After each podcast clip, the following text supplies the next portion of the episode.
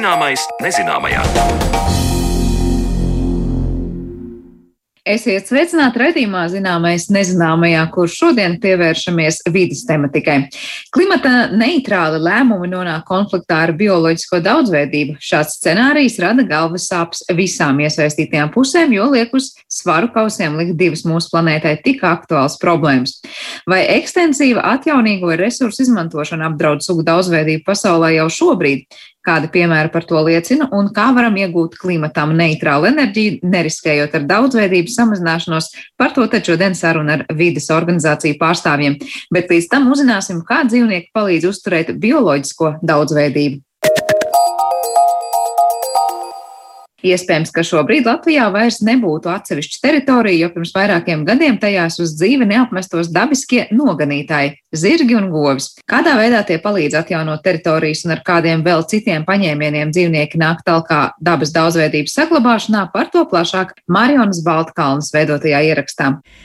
Pape, ķemeri, angure, dvietes paliene - tās ir dažas no vietām Latvijā, kur jau labu laiku uzturas lielie zālēdāji, zirgi un govis.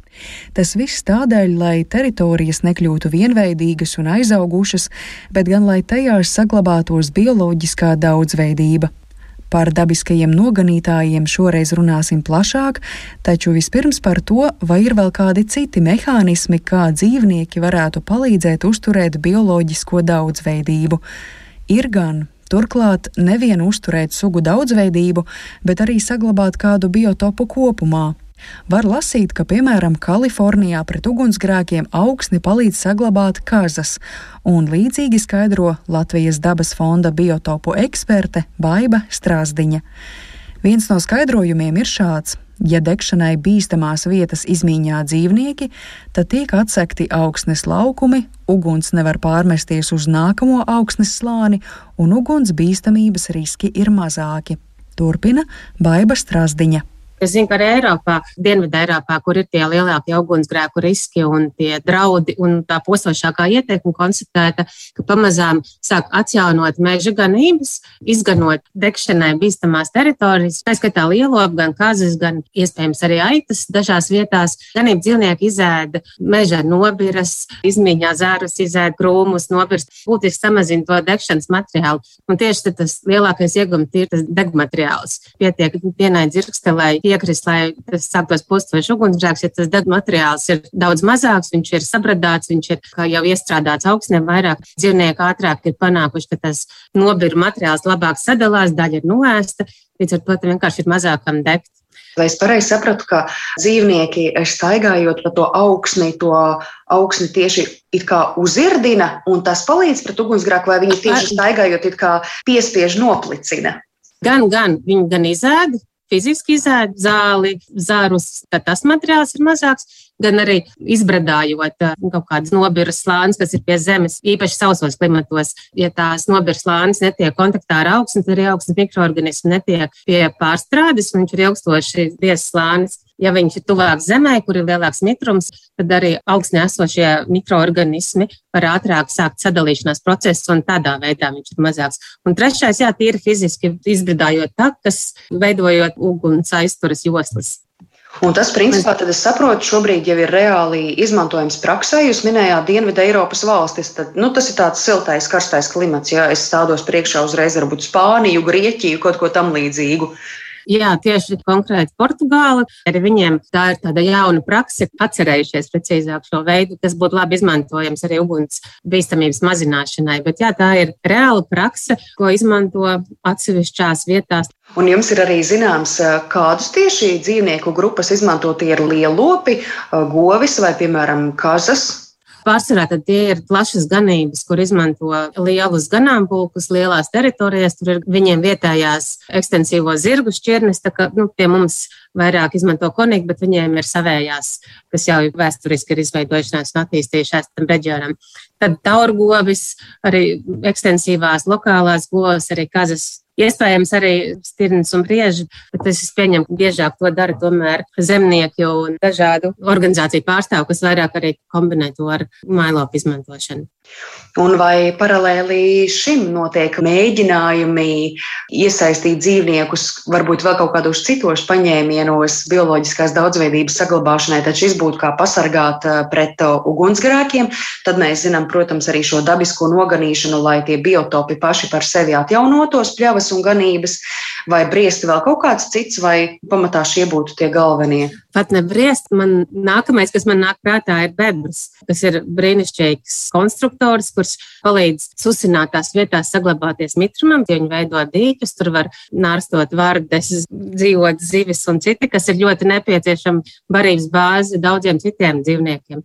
Jā, mums jau arī bebrs ir reintroducēts, nu, atsākts atjaunot jau pirms gadiem desmit, arī Vācijas, Nīderlandē un daudzās citās Eiropas vietās ir vestai skaitā mūsu bebru, lai atjaunotu viņu tās ekosistēmas. Un arī pie mums, par spīti, es domāju, bebra divējādajai dabai, ka vietā viņi tomēr ir par daudz un nodara skādi. Bet vienlaikus daudzie putnu plīkstu vērotāji ir pamanījuši, cik daudziem lieliem plēsējiem un melniem stārķiem, piemēram, ir baltiem stārķiem, kur pārtiek no vardēm un citiem bezmugurkalniekiem, ka viņiem aizvien grūtāk ir atrast barību un izbarot bērnus. Un tās vairošanās sekmes nu, gadu no gada ir diezgan zemas un nesekmīgas. Un ir arī bebrs, ir tas, kas var palīdzēt arī šiem dzīvniekiem tikt pie barības un izbarot bērnus un sekmīgāk jā, nodrošināt to viņu eksistenci. Bet nu plašāk par mums Latvijā pazīstamajiem dabiskajiem pļavu noganītājiem, lielajiem zālēdājiem. Varētu rasties jautājums, kā tad šie dzīvnieki palīdz bioloģiskajai daudzveidībai, jo vai tad tie gadījumā pļavas nenobradā pilnībā? Baiba Strasdiņa skaidro, Pirmais un pašsaprotamākais ir tas, ka šie dzīvnieki ēd zāli, tātad novāc lieko biomasu.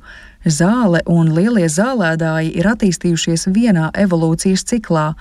Bija augi, un vienlaikus bija kāds, kas tos noēd. Tātad augi pie tā ir pieraduši, un tas pat būtu nepieciešams.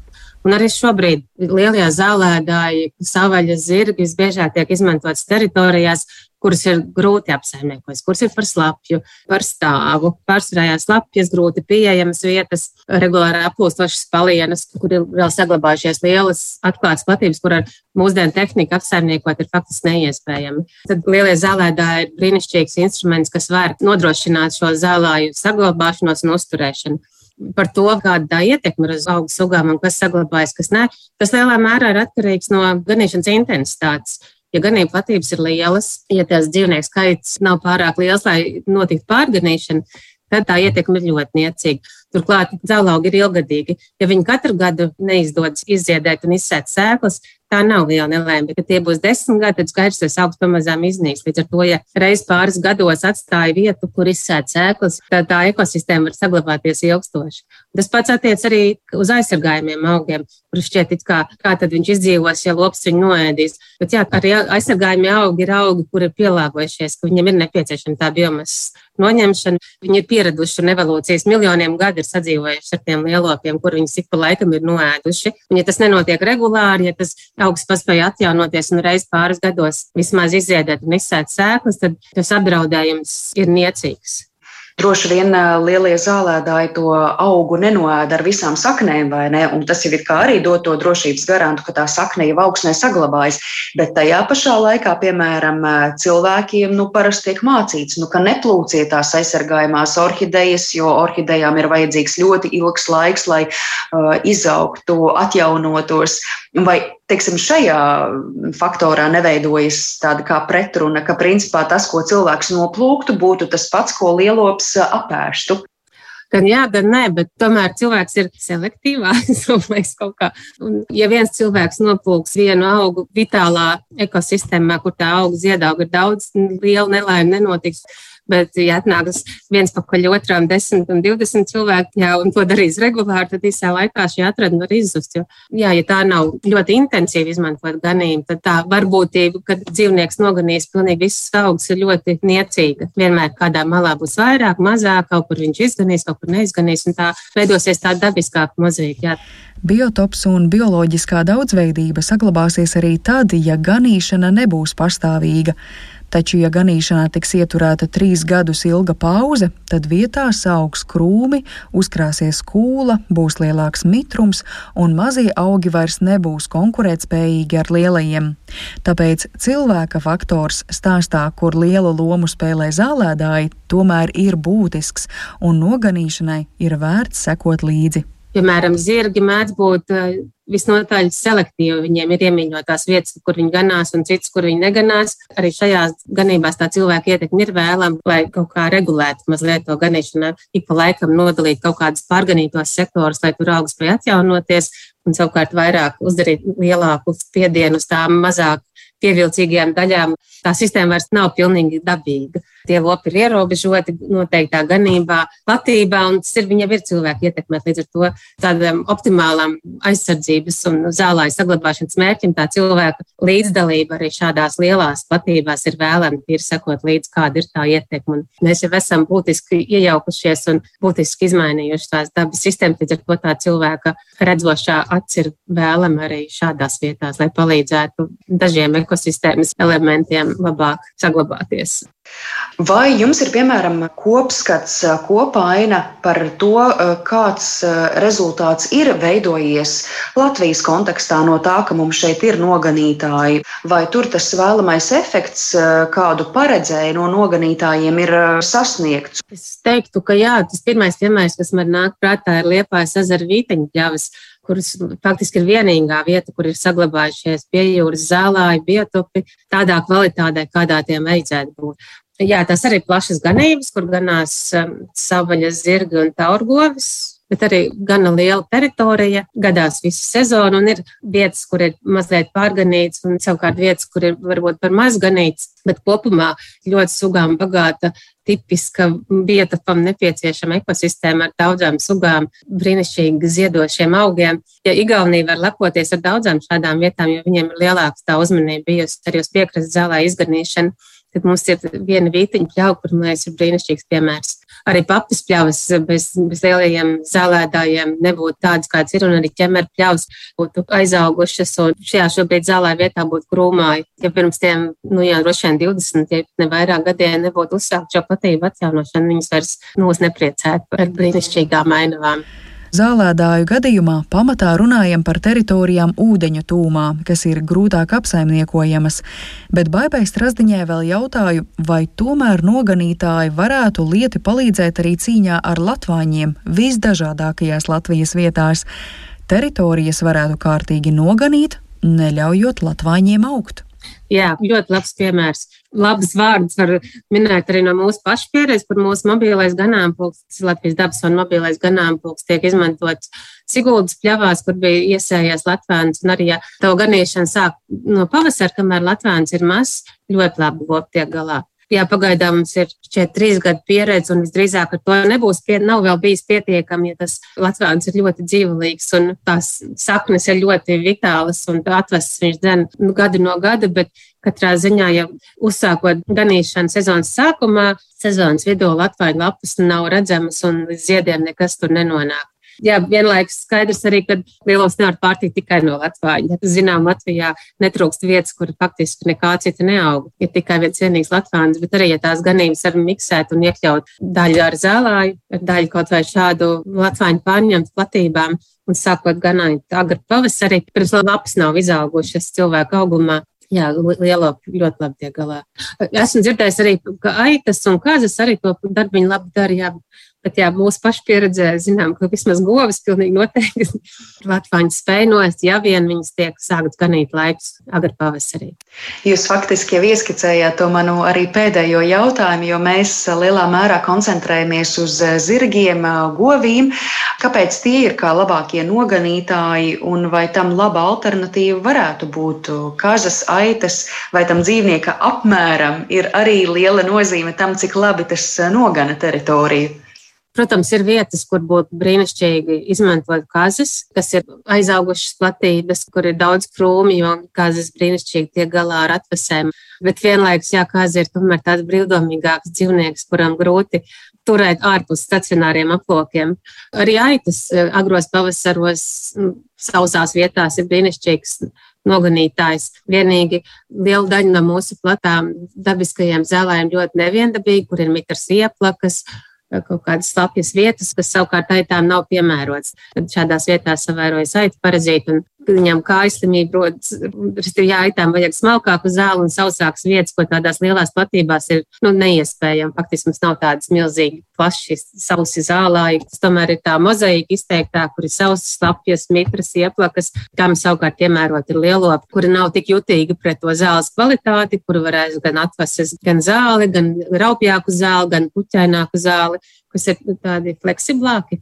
Arī no atjaunošanas, ja aits ir daudz selektīvāka, viņai lielāku barības to apjomu aizņem ziedaugu tieši, ja lielops tomēr lielāko daļu tās barības uzņem ar stiebrzdēls, tas viņa pamatbarība. Aita ļoti sekmīgi izies visu pļavu, izgraudzīs visas puķis, tādējādi samazināsies ziedošu augu daudzveidīgi, ja to gan darīs ilgtermiņā. Protams, tāpat kā ar tām lielajām ganībām sekojot līdzi, ļaujot vietām izziedēt, izganīt, var arī izmantot aitas, un to arī daži zemnieki arī sekmīgi dara. Un tā kombinācija, jo lielāks tas dzīvnieku dažādība, jo tās noganīšana tiek veikta vienmērīgāk. Ja ganāmpulkā būs gan aitas, gan zirgi, gan lielo, piemēram, tad tas rezultāts jau būs tuvu tādai pļautai platībai, kad būs vienmērīgi, katrs būs kaut ko noēdis, un tas, jā, viss būs zemes noēsts mauriņš. Dzirdējām par dzīvnieku dalību bioloģiskās daudzveidības uzturēšanā, bet par to, vai to nezaudēsim pārējot uz atjaunīgiem enerģijas resursiem, saruna pēc brīža.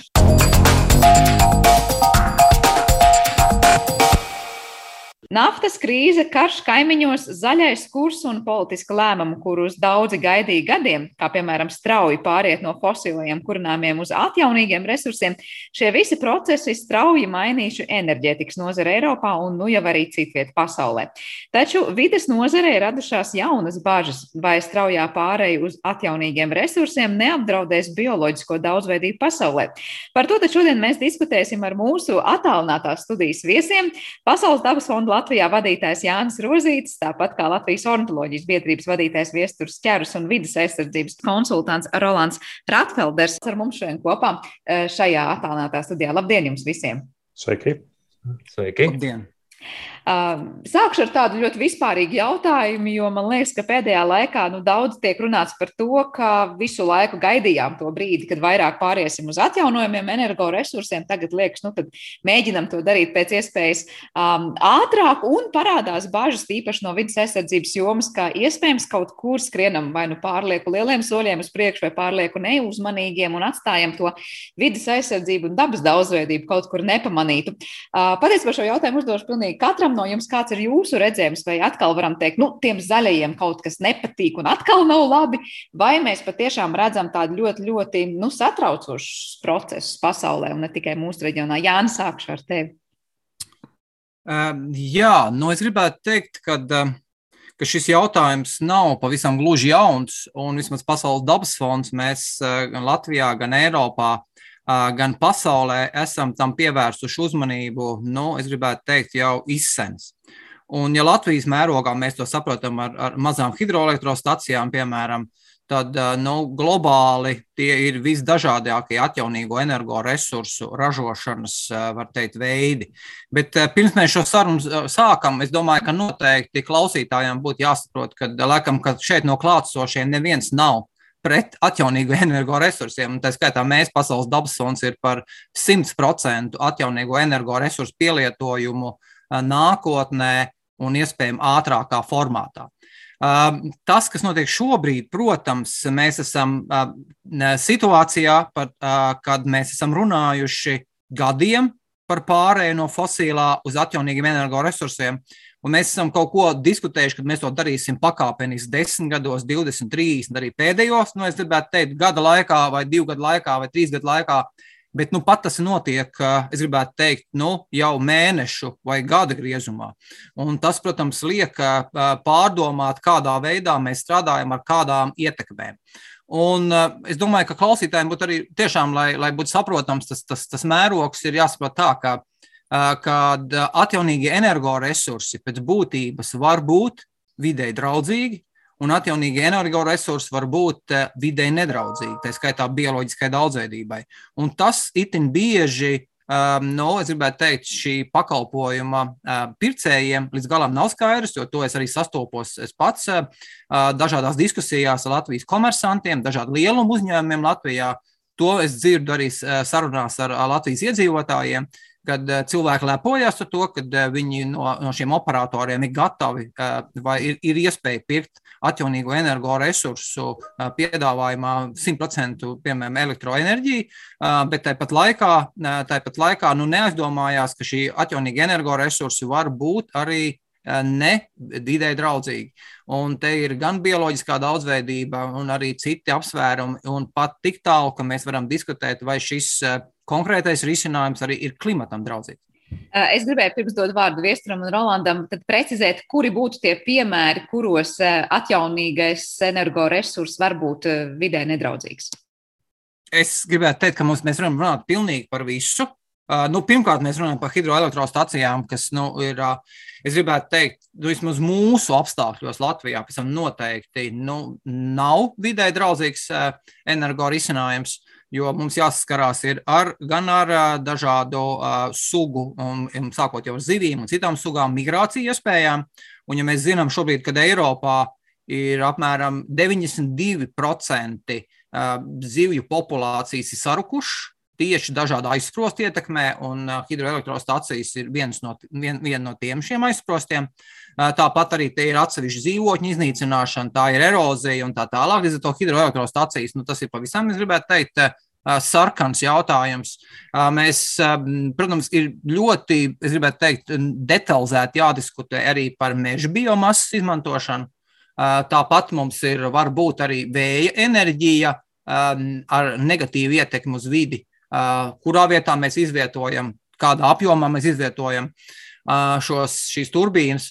Un, nu, un es gribētu teikt, ka arī, nu, protams, ka saules paneļi, kas nu, vienā pirmā mirklī var būt, varētu būt visdraudzīgākais šīs enerģijas iegūs veids, arī pēc būtības var būt kaut kāda ietekme uz dažādām dzīvotnēm. Es pat šeit nerunāju vēl par to līmeni, kad mums būtu nu, jādiskutē arī par šiem izējuma materiāliem, kā šie kā šīs enerģijas ražošanas tehnoloģijas tiek ražotas, kur arī ir zinātniski pētījumi pasaulē, kad uh, Tur pat 80% ir šī iegūta apgabali vai no aizsargājumās teritorijās, vai arī, ja mēs ejam ārpus aizsargājuma teritorijām, tad tam ir milzīgs blīvums pēc šīm vajadzībām, kas sagaida nākotnē atjaunīgo energoresursu tehnoloģiju ražošanu. Tā kā var teikt, ka tās bažas ir par to, kāda veida atjaunojamā enerģija, un par tiem hesiem runājot, jā, bieži saka, tā tad daļēji patiesībā atjaunojamā pat enerģija, uh, precīzāk daļēji ilgspējīga, tā būtu jāsaka, uh, bet vairāk arī vieta, kur un kā un cik ātri mēs, mēs virzāmies uz šiem konkrētajiem nu, enerģijas iegūs veidiem. Droši vien par to visu plašāk parunāsim. Es tagad gribu dot arī viesturam vārdu, kā tiek vērtēts tas process, kurā mēs esam šobrīd. Mēs tā kā ātri, ātri skrienam pakaļ kaut kam, ko laikus neesam izdarījuši. Un līdz ar to dažkārt varbūt pievaram acis uz tām vides prasībām, vai kāds ir tas tavs redzējums par notiekošo?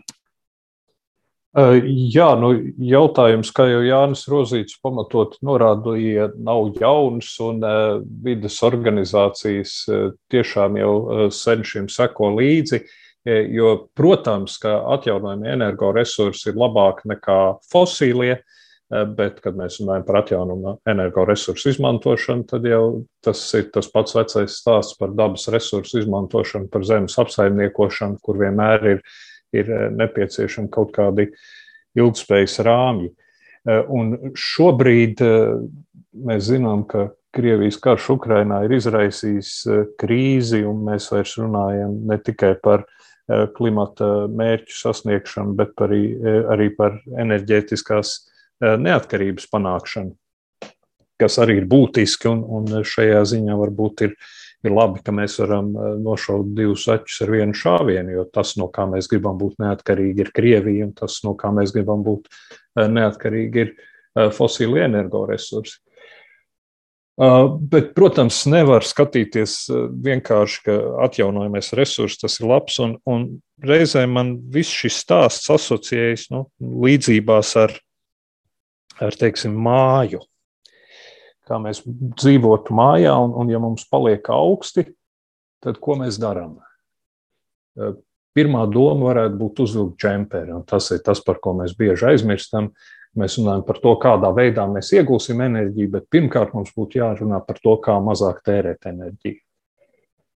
Ja tas džempers mums nelīdz, tad mēs varam, nu, krīzes apstākļos, mēs varam paņemt, sakurināt mēbeles. Un, un šis man saistās ar, ar teiksim, meža biomasas dedzināšanu. Ja mums nav nekādas citas izējas, nu, protams, mēs varam tās mēbeles sakurināt, un, un mums būs silti. Un, un mums būs eh, enerģētiskā neatkarība, bet mūsu dzīves kvalitāte šajā mājā tas eh, neapšaubām mazinās. Fosīlo energoresursu izmantošana tā kā sakurināt māju. Jā, bet eh, tas, tas piemērs, ko tu minēji, no vienas puses tieši tā uzvilkt džemperi ekvivalents būtu tērēt mazāk un pārdomāt, cik ļoti mēs vispār patērējam. Jo, protams, pat ja mēs visu iegūsim ļoti vidē draudzīgā veidā, nu, mūsu patēriņš ir tik milzīgs un apetīti tik liela, ka droši vien tas daudz neko nemainīs.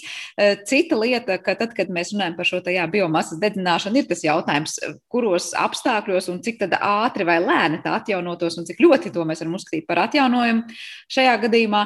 Bet te varbūt ir stāsts par vēja parkiem vai to pašu saules enerģiju, ka liekas, nu, nu daudzi plusi tikai uz priekšu, bet vai nav tā, ka šajā brīdī mēs aizmirstam, ka nu, pirms izvietot to konkrēto vēja parku trīsreiz pārbaudīsim, kur un vai tiešām šajā vietā? Jā, neapšaubāmi. Nu, tāpēc, jau, tāpēc jau es minēju, ka pirmais solis būtu tas džempers, respektīvi enerģijas netērēšana, ja vien ir iespējams.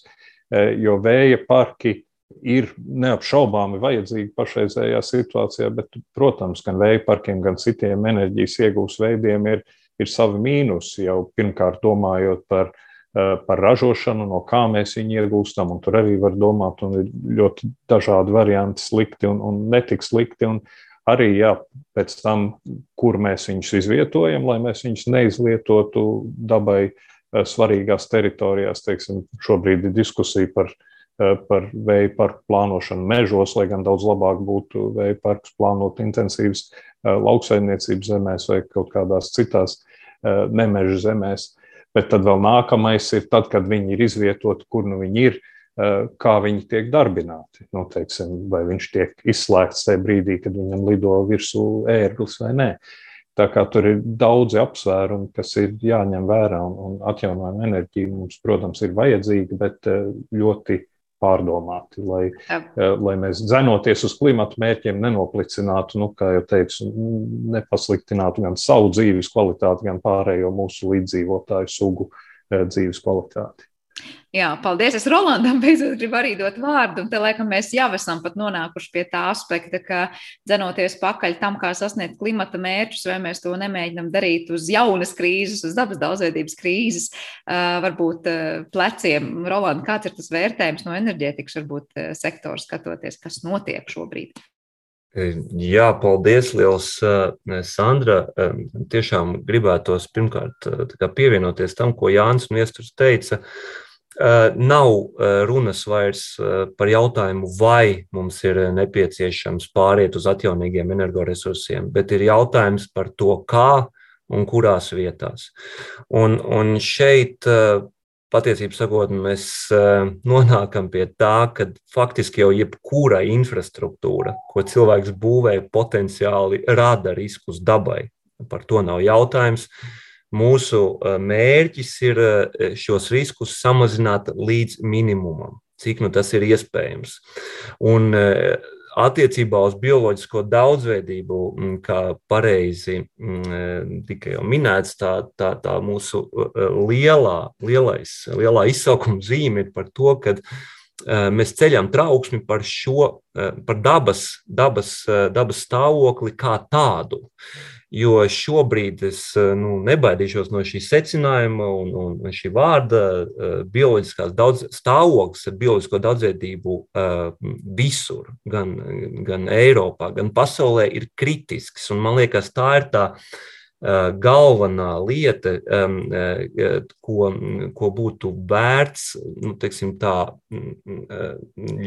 palīdzēt cilvēkiem saprast. Jo kaut vai daži piemēri Latvijā ir tikai 10% no Eiropas nozīmes biotopiem, kas ir labvēlīgā aizsardzības statusā. Nu, Eiropā šis skaitlis vidēji pat ir nedaudz lielāks, bet tas joprojām ir tikai 15%. Tātad visi, visas šīs pārējās Eiropas nozīmes dzīvotnes, biotopi ir faktiski vai nu sliktā, eh, tiešām vai ļoti sliktā stāvoklī, vai to stāvoklis pasliktinās. Un piekritīsiet, ka šāda situācija nu, nekādā gadījumā nav normāla. Un, un, un man liekas, tas svarīgākais cilvēkiem būtu tiešām apzināties, Eh, ko tad šī bioloģiskā daudzveidība nozīmē. Jo šis pats vārds eh, bieži ļoti daudziem ir vienkārši svešvārds. Man liekas, būtiski ir lietot šo vārdu dabas daudzveidība, mūsu dabas daudzveidība, un, un, un, un cik ļoti lielā mērā mēs šos, no šīs dabas daudzveidības esam atkarīgi. Un, ja mēs, un, ja mēs uh, tādā veidā analizējam, tad faktiski e, tas ir mūsu visu e, e, dzīvības un dzīv, dzīvības uz zemes pamats. Mēs, mēs paši esam bioloģiskā daudzveidība. Mūsos ir bioloģiskā daudzveidība. Ja jūs zinat, mums ir pie, pie, pie 40 triljoniem dažādu mikroorganismu, kas ir mūsu katra, katra ķermenī, kas nav mūsu šūnas. Tā viss ir bioloģiskā daudzveidība. Un arī augsnē, kurā mēs audzējam mūsu pārtiku, um, ir, ir, ir bioloģiskā daudzveidība. Un, un šī, šī, tas, cik, cik, cik veiksmīgi mēs, spēj, teiksim, mēs spēsim nākotnē nodrošināt pasauli ar, ar, ar pārtiku, ir tieši atkarīgs no bioloģiskās daudzveidības. Tas, šī, jā, jā. Tas ir diezgan skaidrs tajā kontekstā, ka tā dabas daudzveidība mums ir vajadzīga un ka tā cieš no mūsu ļoti daudzām saimniekošanas formām, un ne tikai saimniekošanas formām, bet es gribēju vaicāt, kas Latvijas gadījumā ir tās dzīvotnes, kuras varbūt būtu visvairāk apdraudētas, un par kurām būtu jāceļ šobrīd tā trauksme, ja mēs domājam, kā virzīties it kā to atjaunojamo e, energoresursu virzienā. Nu, man prātā nāk uzreiz mežs un putni, un tad es skatos viesturu virzienā, bet droši vien tas nav vienīgais. Kā jūs teikt, kuras ir tās eh, dzīvotnes, par kurām būtu šobrīd jādomā pirmām kārtām, kā tās nezaudēt. Viestur, sākšu ar tevi.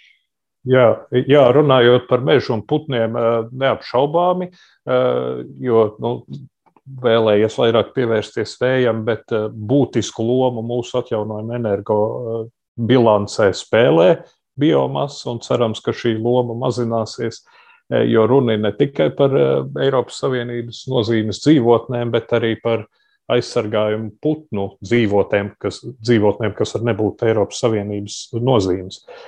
Eh, bet eh, nu, vienalga ir svarīgas dabas daudzveidības saglabāšanai. Tātad eh, mežu ciršanas intensificēšana, atjaunojamo energoresursu iegūs vārdā vai klimata mērķu sasniegšanas vārdā būtu ļoti liela aplamība. Bet vēl viena lieta, runājot par apdraudētām dzīvotnēm, un arī meža kontekstā, vēl viena ļoti liela aplamība būtu aizrauties ar nepārdomātu apmežošanu. Eh, jo mēs visu laiku esam pieraduši domāt, nu, stādīt koku ir labi, bet eh, arvien vairāk zinātnieku uz to norāda, un nevelti arī šobrīd Eiropas līmenī tiek runāts par to, ka arī apmežošanai vajadzētu būt pārdomātai un dabai draudzīgai. Lai nav tā, ka mēs teritorijas, kas šķiet nebūtiskas no lauksaimniecības viedokļa, uzreiz skaidrs, nu tad izmantosim liederīgi, sastādīsim kokus, uh, bet varbūt tās ir ļoti vērtīgas no dabas daudzveidības saglabāšanas, varbūt tie ir pēdējie daudzveidīgie zālāji un, un tam līdzīgi. Tā kā, tā kā domājot par, par koksnes eh, ražošanu un izmantošanu enerģijā, tur ir virkne risku bioloģiskai daudzveidībai.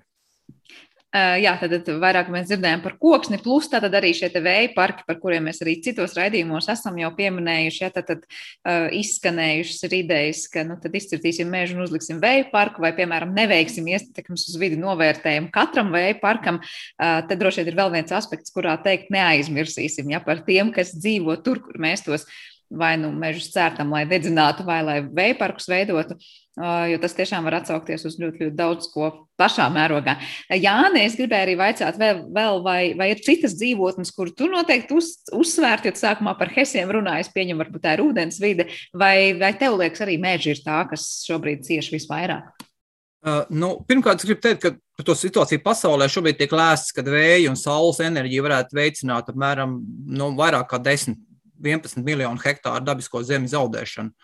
Un, un patreiz tiek lēsts, ka nepilnīgi 20% no liela mēroga atjaunojama enerģiju iekārtu izvietojumu um, nu, sastāv no vēja, saules un hidroenerģijas, un tās darbojas nozīmīgās aizsargājumās teritorijās.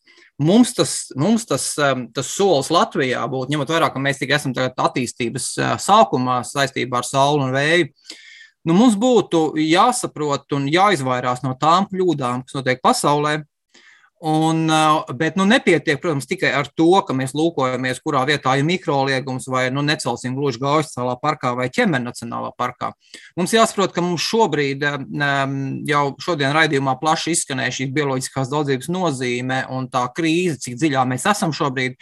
Mēs zinām, ka Eiropas Savienība šobrīd ir ar, ar, var teikt, jau no desmit gadu sākusi stratēģiju kur ļoti rūpīgi prasa no dalību valstīm domāt par, par, par, par šīm aizsargājumām dabas teritorijām, par darbību ārpus aizsargājumām teritorijām. Un līdz ar to es gribētu teikt, ka Mums šeit ne tikai ir jautājums par to, ka mēs kaut ko neiecelsim aizsargājumās teritorijās. Es ticu, ka tas nenotiks, un arī ne mikroliegumos, ne arī bioloģiski augstsvērtīgās vietās. Bet mums jāskatās arī jau ar šodienas acīm, kā mēs šīs teritorijas savienosim. Un tas ir tas, ko šobrīd jau Eiropa sāk prasīt, un tas arī jau globāli jautājums ir ārpus Eiropas Savienības mēroga. Par to runā arī dažādi biznesi. To mums arī pozitīvi šobrīd dzirdēt, ka arī tie uzņēmumi, kuri skatās uz saules un vēja enerģijas attīstību, jau domā par to, lai pēc iespējas mazinātu ietekmi uz vidi. Tas ir pozitīvi. Bet jautājums ir arī, kā tad šie, ārpus šīm aizsargājumām teritorijām, kāda šī rīcība būs un kā varēs līdzdarboties šie projekti vai pēc iespējas minimizēt ietekmi tādus aizsargājamo teritoriju un dabas vērtību savietojumībā, gan to, ko viesturs ķerus minēja. Ja mēs skatāmies uz mežu, kā arī kā uz biomasas atbalstu meža apsaimniekošanā, tad jāsaprot, ir skaidri, ko mēs izmantosim, lai arī minimizētu vai izvairītos no ietekmes uz bioloģisko daudzveidību. Vai kādā mirklī mēs var teikt, varam teikt, ka mēs nu, šajās cirsmās, vai mēs strādājam ar zariem un kaut kādām galotnēm, kur mums šobrīd nav scenārijs, kā ar augstāku pievienoto vērtību izmantot šo materiālu, vai mēs sākam izmantot arī kaut kādu apaļkoksni, vai arī mēs runājam par celmiem. Un tās nu, ir ļoti atšķirīgas diskusijas. Un, un es gribētu teikt, ka nu, arī šeit, nu, kā jau teicu, ir detaļas, un, un, un kādā ziņā nav atbalstāma Visam noteikti apaļkoksnes un celmu izmantošana um, enerģijas ieguvē. Un, un, un kamēr mums varbūt nav augstākas pievienotās vērtības produkti, mēs varam diskutēt par kaut kādiem pilnīgiem atlikumiem, zāģētavās vai, vai, vai, vai uh, zāru galotņu izmantošanu. Te, tas ir tas jautājums, ir, līdz ar to, vai arī mūsu ietekme nebūs šo bioloģisko daudzveidību caur šīm saimniekošanas metodēm. Un tas, līdz ar to, šis jautājums ir daudz plašāks kā tikai un vienīgi kāda dzīvotne, kāda suga, bet vairāk es gribētu teikt tāds plašs skatījums ar lielu horizontālu atbildību pret eh, dabu, kā mēs nodrošināsim atjaunīgos energoresursus Latvijā. Bet cik liela vieta šajā visā ir tehnoloģiju, kaut kādām izmaiņām? Varbūt Rolands var vairāk paskaidrot. Es zinu, ka Vācijā ļoti populāri pēdējos gados ir veidot saules paneļus, lai tie būtu integrēti ar lauksaimniecības zemēm, proti, ka vienlaikus var zem tiem audzēt kādas kultūras, no vienas puses sniegt noēnojumu tām kultūrām, kurām to vajag un iegūt enerģiju, un tādā veidā izvairīties no tā, ka mēs teiktu, atņēmām kaut kādai kultūrai vietu, kur tai augt, un izveidojam saules paneli. Vai tās pašas sveja turbīnas arī saka, nu, mēs varam veidot tās daudz efektīvākas un varbūt arī dabai draudzīgākas. Cik lielā mērogā šajā jomā notiek izmaiņas šobrīd? Jā, protams, tieši tā, patiesībā sakot, jau tā ir viena no arī šī brīža diskusiju tēmām, eh, kad mēs ehm, izvēlamies tās prioritātes, kur tad mums šo, šo atjaunīgo, mm, e, e, atjaunīgos, mm, atjaunīgo enerģiju attīstīt. Tad, e, Tad, tad, tad, tad, manuprāt, tās, tās prioritātes taks, tur būtu vēl daudz ko piestrādāt. Jo, ja mēs vispirms runājam, šobrīd ir aktualizējusies tēma, ka šīs, piemēram, vēja parki būtu jāveido uh, valsts meža zemēs, tad tad īsti nav skaidrs, kāpēc prioritāte teiksim, netiek dota tieši lauksaimniecības zemēm, jo ir skaidrs, ka tieši lauksaimniecības zemes ir, ir visdegradētākās šobrīd. Viņās jau ilgstoši notiek šī intensīvā lauksaimniecības darbība, un arī nu, Eiropas komisija, Eiropas tagad, šīs um, bioloģiskās daudzveidības stratēģijas kontekstā mēs zinām, ka mums šī intensīvā lauksaimniecība ir jāsamazina līdz 30. gadam. Mums ir jāpanāk, ka vismaz 25% mūsu lauksaimniecības ir bioloģiska, un arī būtiski jāsamazina pesticīdu lietošana un minerālu mēslu lietošana. Un, un atjaunīgā enerģija ļoti labi iet kopā ar šīm prioritātēm, jo, jo mēs, varam, ja mēs dodam, ja mēs izvirzām kā prioritārās vietas, kur šo, šo, šos šos teiksim, vēja parkus attīstīt tieši lauksaimniecības zemes, un tieši tā mēs viņus arī šajās vietās varam kombinēt ar dažādām citām dabai draudzīgām aktivitātēm. Mēs zinām, ka Mm, arī nedaudz atbildot uz iepriekšējo jautājumu, kādi tad vēl tie apdraudētākie biotopi, nu, nu faktiski jau visi eh, ir maz tādu, kas nav apdraudēti. Es skatā arī pieņemsim eh, aizsargājumie zālāju biotopi, ja, kas, eh, kurus, kurus iespējams ir iespējams kombinēt jā, ar, ar šie, tajās pašās vietās, kur šie atjaunoja, atjaun, atjaunojamie enerģijas tātad, avoti. Un, un, un šādā veidā nošaut divus zaķus ar vienu šāvienu. Mēs vienlaicīgi attīstām šo atjaunīgo enerģiju un, un, un, un palīdz un tā, mazinam dabai kaitīgas aktivitātes, kas ir piesārņotas. Gribēju vēl precizēt, nu, varbūt no enerģētikas viedokļa kāds iebilst un teikt, tajās lauksaimniecības zemēs, kur varbūt liktos, nu tad liekam tur tos vēja parkus nav pietiekoši daudz vēja, vai varbūt jā, tās nav tās vietas, kas no vēja perspektīvas būtu tās izdevīgākās, vai tur mums saskan, ka tiešām tās teritorijas arī būtu efektīvas vēja nu, daudzuma vai stipruma ziņā? Es domāju, ka šādi, šādi argumenti visi būtu diskutējami. Tas, par ko mēs šobrīd, bet nu, arī pēc tādas tīri loģikas, vēji atklātās teritorijās ir vairāk nekā slēgtās. Ja? Mēs pieņemam, ka mežos tomēr ir nedaudz slēgtākas tās teritorijas nekā atklātās lielās lauksaimniecības platībās. Tāpēc tā mūsu lielākā bažas ir par to, par diskusiju par to, ka lēmumi tiek pieņemti steigā, nediskutējot ar, ar vidas organizācijām un neskaidrojot to pamatot, tad, tad pamatotību. Un, Un, un ja, me, ja mēs tiksim, tā laicīgi par to kopā apsēstos visi pie viena galda un, un, un, un izrunātu, kādi tad ir šie plusi eh, vienai vietai vai citai vietai, un kur šīs ietekmes ir vismazākās uz šo bioloģisko daudzveidību, tad es domāju, mēs, mēs nonāktu pie kaut kāda um, kopsaucēja tajā visā. Bet nu, šāda diskusija ir nepietiekama līdz šim. Jā, nu cerams, ka diskusija mums būs vairāk, bet noslēdzot šo sarunu, kurā nu, mēs aktualizējam dažus no jautājumiem, par kuriem noteikti būtu vērts diskutēt. Es vēl gribēju vaicāt, viena lieta ir tās diskusijas nēsamība, otra lieta varbūt tas izpratnes, eh, nezinu, pietiekamība vai trūkums, ko mēs saprotam ar to, kas ir vidēji draudzīgs zaļš vai atjaunojums. Mēs jau mazliet sarunu sākumā ieskicējām. Jānis, varbūt tavā virzienā skatītos šajā brīdī, un kāds ir tas tavs novērojums, vai nav tā, ka nu, mēs pēdējo gadu laikā daudz runājam par ilgspēju un daudzreiz sastopamies ar to, ka cilvēku izpratne par to, kas tas ir, patiesībā ir diezgan tālu no tā, eh, cik ilgspējīgi ir tie lēmumi. Vai tev ir kādi konkrēti novērojumi gan korporatīvā vidē, gan nevalstisko organizāciju vidē, kā mēs izprotam šīs lietas? Nu, katrā ziņā noteikti mēs varam sadalīt eh, dažādas šīs atbildības un tālāk arī šīs izpratnes par konkrētas atbildības īstenošanu. Ja mēs skatāmies par, par to, kas ir noticis, un mums varbūt mēs varam sākt ar publisko pārvaldu valsts institūcijām, tad tā, tā, tā situācija, kāda šobrīd ir, ir attīstījusies, es domāju, tā ir tiešām jāsaka, ir zināmā mērā val, atbildīgo valsts institūcija, es gribētu nosaukt neizdarību.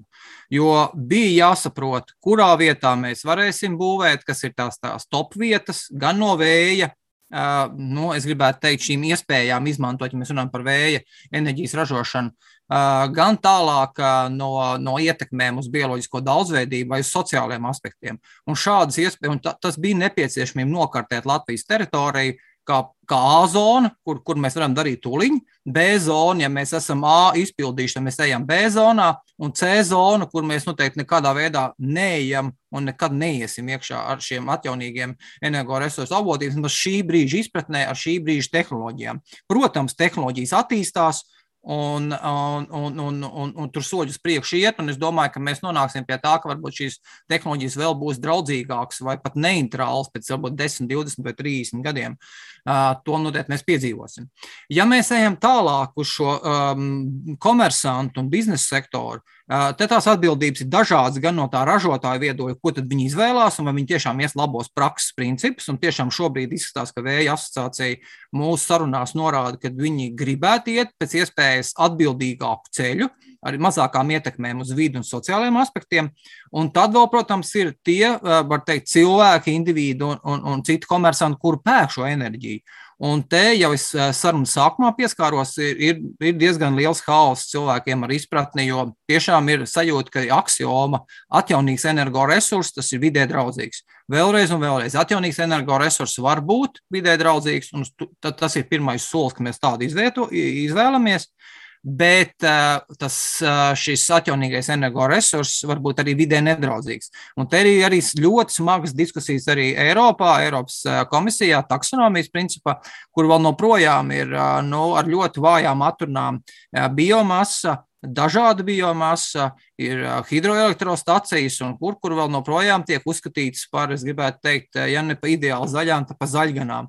Un te nu, tiešām mēs nonākam pie tā, ka tā, nu, tā paša patērētāja atbildība ir, ko tad viņš pieprasa no operatora, kas piedāvā, un vai ir skaidrs signāli, ka mēs nevēlamies tādu atjaunīgo energoresursu, kuri pēc būtības ir nu, vidē nedraudzīgi. Tā, es gribētu teikt, ir tāda tuvā nākotne, ko ticamāk mēs pie kā mēs nonāksim, ar ko būs arī jāskatās investoriem, kur šobrīd ir gatavi investēt jaunos atjaunīgos energoresursus. Tie ir milzīgi riski, ka šobrīd viņi var par roku galam pie šī brīža situācijas panākt šo pozitīvo atbalstu šādām, šādai rīcībai, vai kaut caur tiesisko regulējumu, vai caur finanšu resursu piesaisti. Bet tuvā nākotnē tas var būt liels atstiens, kad gan sabiedrība, gan patērētāji kopumā, arī komersanti sāk pieprasīt nu, es gribētu teikt, kaut kādu certifikāciju, vai tas tiešām atbilst vidē draudzīgiem principiem. Jā, galvenais, lai ir šī diskusija, lai ir šie jautājumi, kas tiek uzdoti un aktualizēti. Pirms... Tie jau ir, tie jau ir jautājums, vai tie šobrīd ir cīnīgās valstīs. Tieši tā, es domāju, lai viņi tiek aktualizēti pirms ir par vēlu pateikt, ka mēs esam kaut ko mazliet izdarījuši ne tā, neņemot vērā kādus aspektus, kurus sen bija jāņem vērā. Uh, Nu, ko, diemžēl, šai diskusijai ir jāliek punkts, bet nu, vismaz cerams, ka mēs esam ieskicējuši dažus no tiem jautājumiem, par kuriem būtu vērts piedomāt un kurus noteikti nevajadzētu aizmirst. Pasaules dabas fonda Latvijā vadītājs Jānis Rozītis, Latvijas ornitoloģijas biedrības vadītājs Viesturs Čērus, kā arī vidas aizsardzības konsultants Rolands Ratfelders ar mums bija šodien raidījuma zināmais nezināmajā studijā. Paldies jums par šo dalību mūsu sarunām, un ar to arī šis raidījums ir izskanējis. Mēs tiekamies atkal rīt. Visu labu!